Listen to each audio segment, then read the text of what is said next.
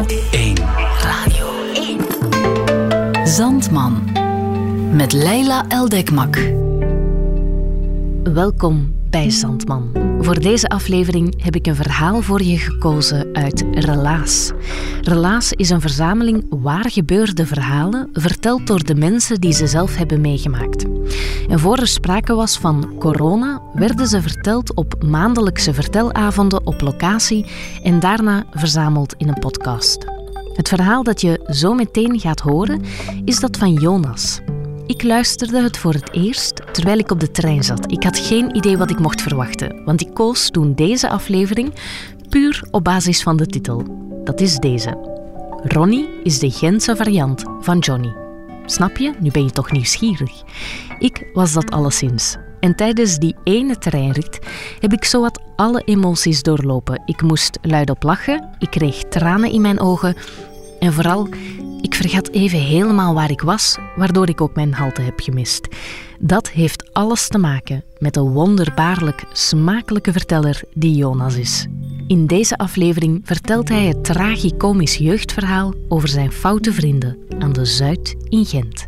Ik wens je veel luisterplezier met zijn relaas. Zandman. Vroeger was ik een Ronnie. En wij Ronnies wij liepen altijd rond aan de Zuid. De Zuid was toen nog een echte hoerenbuurt, want waar dan nu de lelijke shoppingmall ligt, lagen er vier à vijf extra straten die voornamelijk door de dames van plezier eh, werden bevolkt, die achter de ruiten hun ding deden. En wij liepen daar rond, wij Ronnies, Rosie- Ronnies zijnde. En ik liep daar altijd rond met Philippe, mijn jeugdvriend. Philippe. Philippe was een charismatische charmeur. ehm, had een heel mooi kleurtje, zo koffie met melk. Hij had, eh, hij had van dat dik zwart haar. Eh, zijn pa was een eh, halve Congolees, hij was een kwart Congolees. Philippe had geen kroezelaar, zijn zuster had dat. Zijn zuster was ook een prachtig kind, maar zo dom, zo dom. Maar hij was echt een, een, een charismatische gast, eh, een knappe gast. En hij had ook twee eh, helblauwe ogen. En dat contrasteerde heel eh, eh, sterk met zijn koffie met. En Philippe was mijn maat, mijn jeugdvriend. Wij liepen altijd rond aan de Zuid. En Philippe liep altijd rond met zijn maat. En zijn maat heette Macho. Met dubbele C-I-O op het einde, want OW, als je macho verkeerd uitsprak of, of schreef, want dan had de boel met Philippe. En wat dat boel hebben met Philippe betekende, dat ga ik je straks uitleggen. Dus Filip eh, en ik en Macho liepen rond aan de Zuid. En dat was eigenlijk niet volledig waar. We liepen daar niet zomaar rond. We liepen daar rond omdat Filip een drugsdealer was. Filip deelde drugs. Voornamelijk wiet. Ook andere dingen, zo kalmeerpillen, dat, dat deelde hij ook. Maar wiet, dat was zijn business. Wiet, dat was in de tijd van een Belgische frank.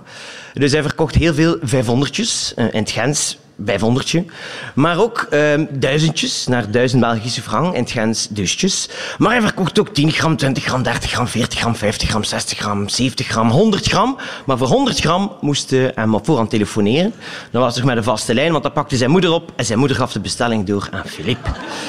Dus wij liepen daar rond aan de Zuid. Eh Filip liep dus altijd rond met zijn, met eh, een rugzak vol met wiet. Hij trok hem dan niet aan. Stoncturen in, in, in, in, hey, in de wind naar wiet. En misschien had het al door, maar Macho was een hond. Dat was Filip zijn hond.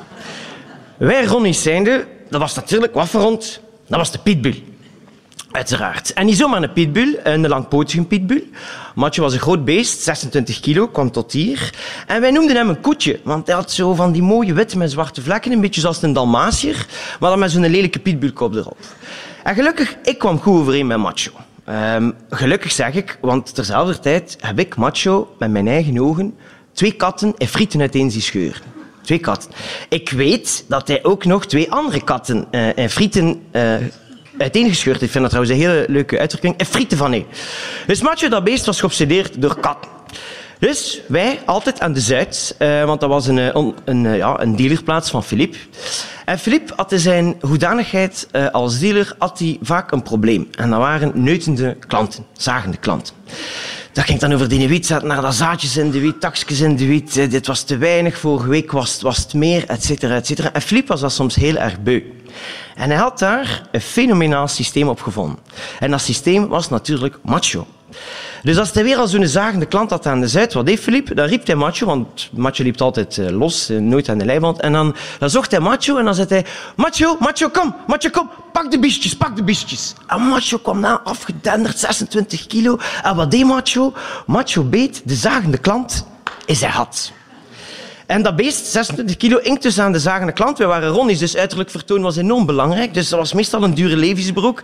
Ronnie's kochten onder wiet ook altijd de zaterdagavond, vlak voordat ze uitgingen. Dus die volledige zaterdagavond was, was, was naar de knoppen. Omdat er macho, en dat is een beeld dat ik heb, macho die aan de zagende klant hangt. En ook een stuk scheurt uit de broek van de zagende klant, een achterzak of een zijzak.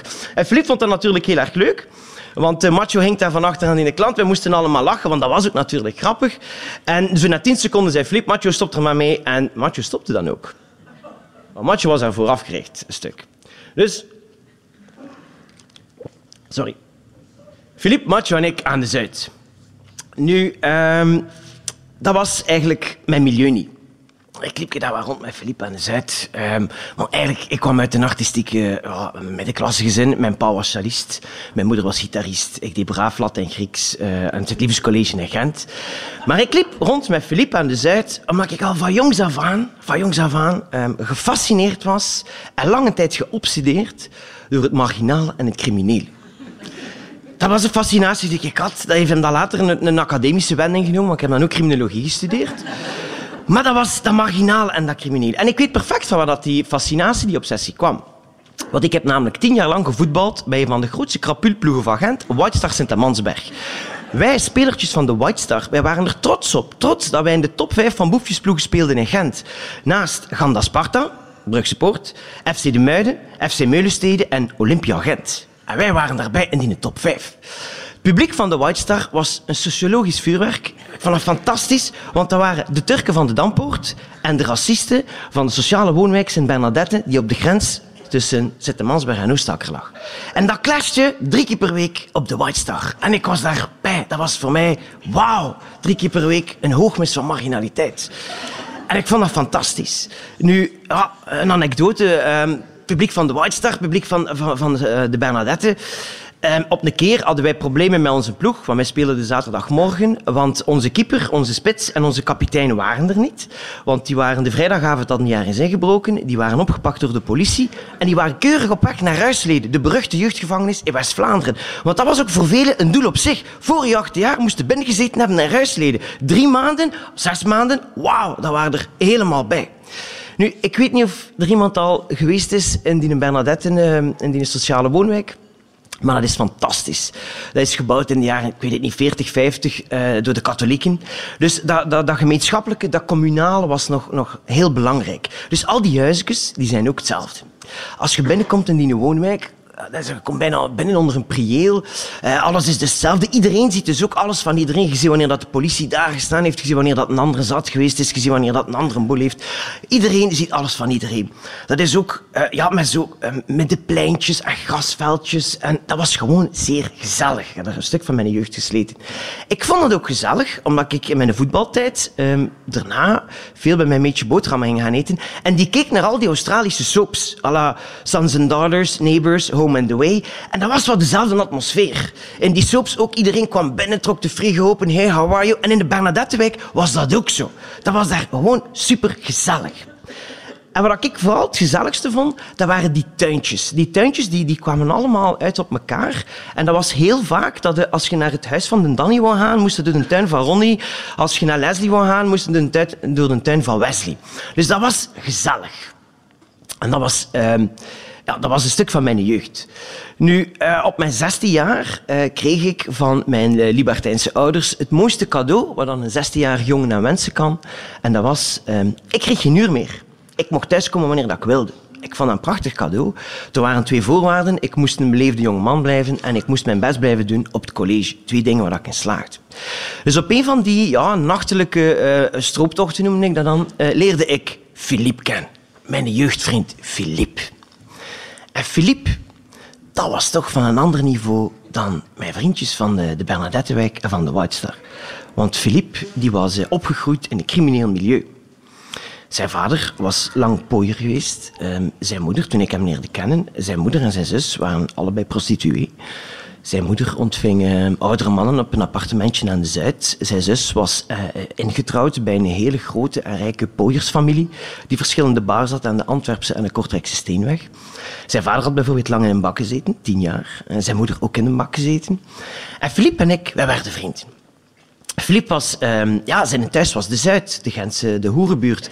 Als ik met hem aan de Zuid rondliep, dan die kende iedereen. Die kende alle hoertjes, die kende al de restaurantuitbaters, die kende alle café-uitbaters. Die kreeg ook geld van de hoertjes, geld van de café-uitbaters. Dus Filip, dat was zijn thuis. Dus onze vriendschap was een stuk gebaseerd op een soort van wisselwerking. Van ik, ik werd deelachtig niet, maar ik werd getuige van iets wat mij non fascineerde. Marginaliteit, maar nu ook een crimineel milieu. En Filip was eigenlijk, uh, kreeg inzage in een liefdevol, goed functionerend middenklassegezin. Iets wat hij uh, nooit gehad heeft. En wij werden jeugdvrienden. En wij liepen veel, uh, wij trokken veel met elkaar op.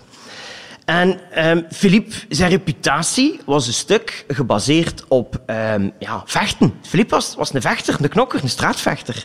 En ik weet niet of je al een keer een straatgevecht gezien hebt, maar dat duurt niet lang. Dat duurt 10 seconden, 15 seconden, een halve minuut zal al lang zijn. En bij een straatgevecht is het zo, meestal, de eerste die klopt, wint. En Philippe had die wetmatigheid tot op het bijna wetenschappelijke bestudeerd. En die kon perfect inschatten van... Dat ga je nog lukken met woorden. En dan had hij zoiets van... Dat ga je niet meer lukken met woorden. En wat heeft Filip? Die klopte als eerste. En die won ook al zijn gevechten. En zijn, zijn slachtoffers waren heel divers. Dat waren grote, grote venten, brede venten. Dat waren venten die konden vechten. Dat waren ook straatvechters. Soms waren ze met twee. Hij won bijna al zijn gevechten, omdat hij als eerste klopte. Filip heeft ooit alleen naar Gembrugge getrokken, met bus 3 naar Gembrugge, naar de eindhalte, om daar een beruchte klanleider, uh, Willy Hussein, een, een, een vreed uh, gezelschap, een, groot, een, Gentse, een, Turkse Gentenaar. Uh, ik heb hem een paar keer ontmoet, ik was er bang van. Hij is alleen naar Gembrugge getrokken en heeft Willy voor de ogen van zijn bende neergeslaan. De bende heeft niets gedaan, omdat ze respect hadden voor Philippe zijn actie. Alleen met bus 3 naar Gembrugge gekomen om onze klanleider hier neer te slaan. Wauw. Hij mocht dan een paar jaar gaan Brugge niet meer binnen, maar dat vond Philippe niet erg. Dus Philippe was een stuk zijn reputatie knokken, want dat moest soms aan de zijde. Nu, Philippe had ook een andere liefde. Een grote voorliefde. Hij had een uh, voorliefde voor de roes. Hij hield van de roes. Hij hield van zichzelf verdoven. Uh, hij, hij, hield van, uh, het gaan zeggen bestuiken, liefst horizontaal. Dus dat blauwe natuurlijk, deed hij. Maar hij was echt een roeszoeker. Nu, als je houdt van de roes, dan komt er bij het roesmiddel bij uitstek en dat is heroïne. En Filip begon dus aan de heroïne. En in het begin uh, rookte hij dan, ik het dat roken, maar hij begon dat dan ook uh, te shotten. En een stuk gaat daar een stukje mee, maar ik wist nou dat, dat ging. Uh, heroïne, dat gaat naar nergens, dat gaat naar de hel. En op een duur moest ik in de vriendschap ehm, zeggen van kijk Filip, ofwel stopte jij met de heroïne, oftewel stop ik met de vriendschap. Maar dat was geen keuze meer dat ik hem gaf. Want hij was al te ver heen, hij was al te verslaafd. En hij wist ook dat dat geen keuze was voor hem. Hij wist ook dat ik dat wist, ik wist dat hij dat wist.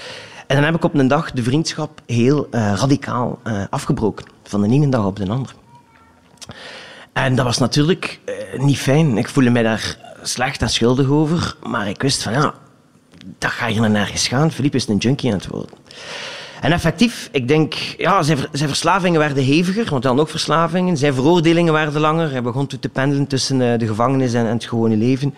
En meerdere vriendschappen werden afgebroken. En ik denk, na twee jaar en een half uh, dat ik de vriendschap heb afgebroken, is Philippe gestorven. Alleen. Um, in zijn cel, aan een overdosis heroïne, in zijn cel in de gevangenis van Turnhout. Tot op de dag van vandaag weten we nog altijd niet, was het een zelfmoord of was het uh, ja, een echte overdosis, een ongeluk? Dat weten we niet. En dat was natuurlijk heel treurig. Um, ik voelde mij daar natuurlijk slecht over. Anderzijds had ik al afstand genomen van hem, maar al genoeg, twee jaar en een half. Ik wist dat hij een vogel voor de kat was, maar dat was dus echt, ja, jammerlijk. En Philippe werd dus gecremeerd in het crematorium van uh. En wie was er daar aanwezig? De bende van de Zuid. En wat moet je voorstellen bij de bende van de Zuid? Dat waren een bende vijftigers, zestigers. Allemaal biertonnen, zowel de mannen als de vrouwen. Dat waren hoertjes op pensioen, drugsdealers op pensioen, straatvechters op pensioen. En iedereen zat in dat zaaltje van het crematorium uh, daar in Locristi. Uh, om negen uur s ochtends. En iedereen was scheitenzat. Stom, dronken om negen uur. Dat was iets wat, wat, wat ons opviel. Dat was natuurlijk een treurige dienst. Een jonge gast, ik denk dat Philippe 23 was, een jonge gast die uh, sterft is altijd treurig. Er werden verhalen verteld. Uh, wij stonden een beetje van achter. En de dienst is gedaan na een uurtje. En Filip wordt dus uitgestrooid in de strooiweide uh, 400 meter verder. Dus gans de bende van de Zuid. En dat was een waggelende, zatte karavaan. Verplaatst hem over dat, dat, dat naar de strooiweide. En die, dat was iets in beeld, dat, dat, dat, blijft op mijn netvlies gebrand. Iedereen had zijn blikjes bier mee. Dus blikjes bier werden opengedaan. Die werden opgeslurpt. Die 400 meter waggelen, waggelen naar de strooiweide. En dat was het beeld dat ik heb. En wij liepen achteraan. Dat waren die lege blikjes bier die links en rechts werden gesmeten. Op naar de strooiweide. Dus wij komen aan op de strooiweide. Uh, Philippe wordt uitgestrooid. En uh, Philippe, zijn moeder, Huguette, die stort in. Die begint te wenen, die begint te roepen, die begint te krijsen. En in haar sappig gens begint ze ook dingen op ons te steken. Gulder had hem kapot gemaakt met die vuile boel. Wij stonden daar, dat was, ja, dat was komiek. En uh, zij stort in. Waarop Ewald, de vriend van Philips moeder, want Philips ouders waren al heel lang gescheiden, waarop Ewald vindt dat hij iets moet doen. Ewald, ook zestiger, bierton. Hij vindt dat hij iets moet doen en wat doet hij? Hij trommelt drie vrienden op. Ook drie biertonnen. En die drie vijftigers gaan, stomdronken, gaan ze met vier op handen en knieën, beginnen zij op de strooiweide te zoeken naar iets. Wij wisten niet wat zij zochten, want wij waren altijd geïntimideerd door de tirade van Philippe zijn moeder. Dus wij waren zoiets oh, wat is er gebeurd? Is er iets kwijt? Is er boel? Uh, wat zit niet daar te doen? En die beperkten zich niet tot het begin van de strooiweide. Nee, die gingen echt redelijk ver in de strooiweide op zoek naar iets. En wij komen allemaal dichter en wij zien van, wat zijn die aan het doen? Want dat was iedereen was zoiets van, weet wat ze aan het zijn? En plots, ben u vergeten of dat Ewald was of een van die anderen, vindt er een iets. En hij heeft dan aan Ewald en Ewald steekt dat ding in de lucht, lijkt een diamantair die kijkt naar een diamant. En ze hebben een tand gevonden. En Ewald gaat met die een tand naar de moeder van Philippe, Huguette, en hij zegt, Huguette, we hebben een tand van Philippe gevonden. En we gaan een tand in een kokertje steken. We gaan dat kokertje aan een touwje hangen. En we gaan dat touwje rond uw nek hangen. Dan heb je voor de rest van je leven Philippe rond uw nek hangen. Het eerste dat mijn kozijn zei, mijn kozijn zit hier ook, was ook. Het eerste dat hij zei van, is dat geen tand van de hond? Dan zat er achter een grote tand uit. En dan, ik weet niet hoeveel mensen dan, dan, dan worden gecremeerd in Locristi. Dagelijks is dat 4, 5, 15. Maar er was dus heel veel kans dat die een tand niet van Philippe was. Was dan die tand ook van, van achter aan de strooiweide gaan halen. Maar dat gaf het allemaal niet. Dat gaf het allemaal niet. Want vanaf dat moment was dat een tand van Philippe. En iedereen stond er, ja, ja, dat is een tand van Philippe. En Huguette zei ook, ja, een tand van Philippe. En Huguette was een beetje getroost, weet ik niet, maar ze was alleszins gekalmeerd. Nu, de, de tandscène is bezig. En ik had dat nog niet verteld, maar ook in de dienst uh, was Philippe zijn uh, zus was daar aanwezig, samen met Mark de zoon van de rijke pooiersfamilie die verschillende baars aan de Antwerpse en de Kortrijkse Steenweg had. En die had een pakje bij. Er zat dat pakje mee uh, tijdens de, de, de, dienst. En toevallig had ik, uh, had ik naar haar gekeken en ik had gezien dat ze met Mark over dat pakje aan het babbelen was. Dat pakje zat dan een keer vastgepakt, dan in de lucht gestoken. Dat stond een hele tijd tussen haar benen. Er was iets met dat pakje. Ik wist niet wat dat pakje was. Dus de tandzijne is bezig. En Angelique, de zus, komt ook met dat pakje tandzijnen is gedaan, iedereen druipt af. En zij samen met Mark dat pakje en toepen doen. En dat pakje was zo'n langwerpig pakje. Dat zat in bruin papier. Was met een touwtje, ze waren aan het sukkelen en toen dat ging die subiet open. En ze doen dat, dat pakje open en ze haalt daar een cocktailshaker uit. En ze schroeft die cocktailshaker open en ze kwakt de inhoud van die cocktailshaker op de strooiweide. Dat was niet strooien, ze kwakt dat daaruit. Dus Iedereen van de tandzijde ging dan naar de parking en ik ging naar haar. Ik zei, Angelique, eerst en vooral Philippe, sorry, want ik had ze al twee jaar en een half niet gezien. Zei, maar wat heb je eigenlijk uitgestrooid op die strooiweide? Dat fascineert mij wel. Ah, zegt ze, macho. En ik, macho? Philippe zijn een hond? Ja, ja, macho. Ik zei, is er iets gebeurd? Is hij verongelukt? Is, is, hij gestorven? Hij zei, nee, nee, nee. Philippe heeft altijd gezegd, ik dood mijn hond dood. Ik zei, allee, en blijkbaar, zijn laatste jaar was Philippe heel depressief geweest en had hij zijn kop gestoken dat Macho zijn enige maat was. En als hij sterven, moest Macho mee met hem. Dus zij hadden mooi Macho een spuitje laten geven en hem laten cremeren. En uh, een paar dagen nadat Philippe gestorven was, Macho was toen denk ik vier, vijf, nou, zes jaar, dus in, hadden ze hem uitgestrooid samen met Philippe. Dus Philippe en Macho lagen samen in de strooiweide van uh, het crematorium van Locristi. En ik dacht, ja, dat is mijn vriendschap met Filip. Uh, het is gedaan. Maar kijk, het is nu twintig jaar later en ik sta hier nog altijd over Filip te praten. En niet alleen dat, ik werk nu zelf ook aan de Zuid. Uh, ik geef les aan toekomstige bewakingsagenten. Dat is een zevende jaar beroeps. Dus die gasten zijn 18, 19. En dat is een heel belangrijk jaar voor hen, want zij krijgen en een diploma, middelbaar onderwijs, en zij krijgen een bewakingsattest. En veel van die gasten, ik zie het, ik hoor het, ze zeggen mij ook dingen, ik voel het, zijn ook chronisch. We herkennen elkaar. En vertellen mij ook soms van die verhalen, ook van de straat. En dan probeer ik zo, zonder belerend te zijn, probeer ik toch te zeggen van, kijk jongens, je kunt iets leren van de straat, je kunt iets leren van criminaliteit, maar het is niet voor iedereen weggelegd. En dan probeer ik ze toch wel zachtjes te duwen in de richting van dat diploma. Dat was mijn verhaal.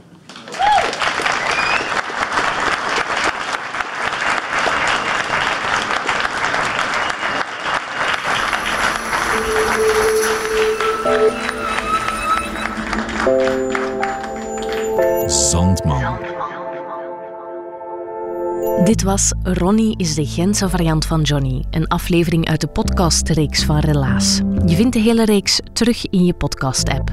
En verder heb ik nog heugelijk nieuws, want Radio 1 komt met een nieuwe eigen podcast, Classics Helden. Ze wordt gemaakt door mijn geweldige collega's die een oneindige, onuitputtelijke liefde bezitten voor muziek en die vooral ook een soort encyclopedische kennis hebben van alles wat er ooit aan interessants is gebeurd in de muziekgeschiedenis. De eerste aflevering staat helemaal in teken van muziekheld Neil Young. Want die oude knakker wordt 75 jaar. Verwacht je dus aan heerlijke wetenswaardigheden om bij uit te pakken bij je volgende muziekquiz, maar ook aan prachtige reportages en vooral heel veel mooie muziek. En dan nadien gewoon terugkomen naar hier voor een nieuwe Zandman.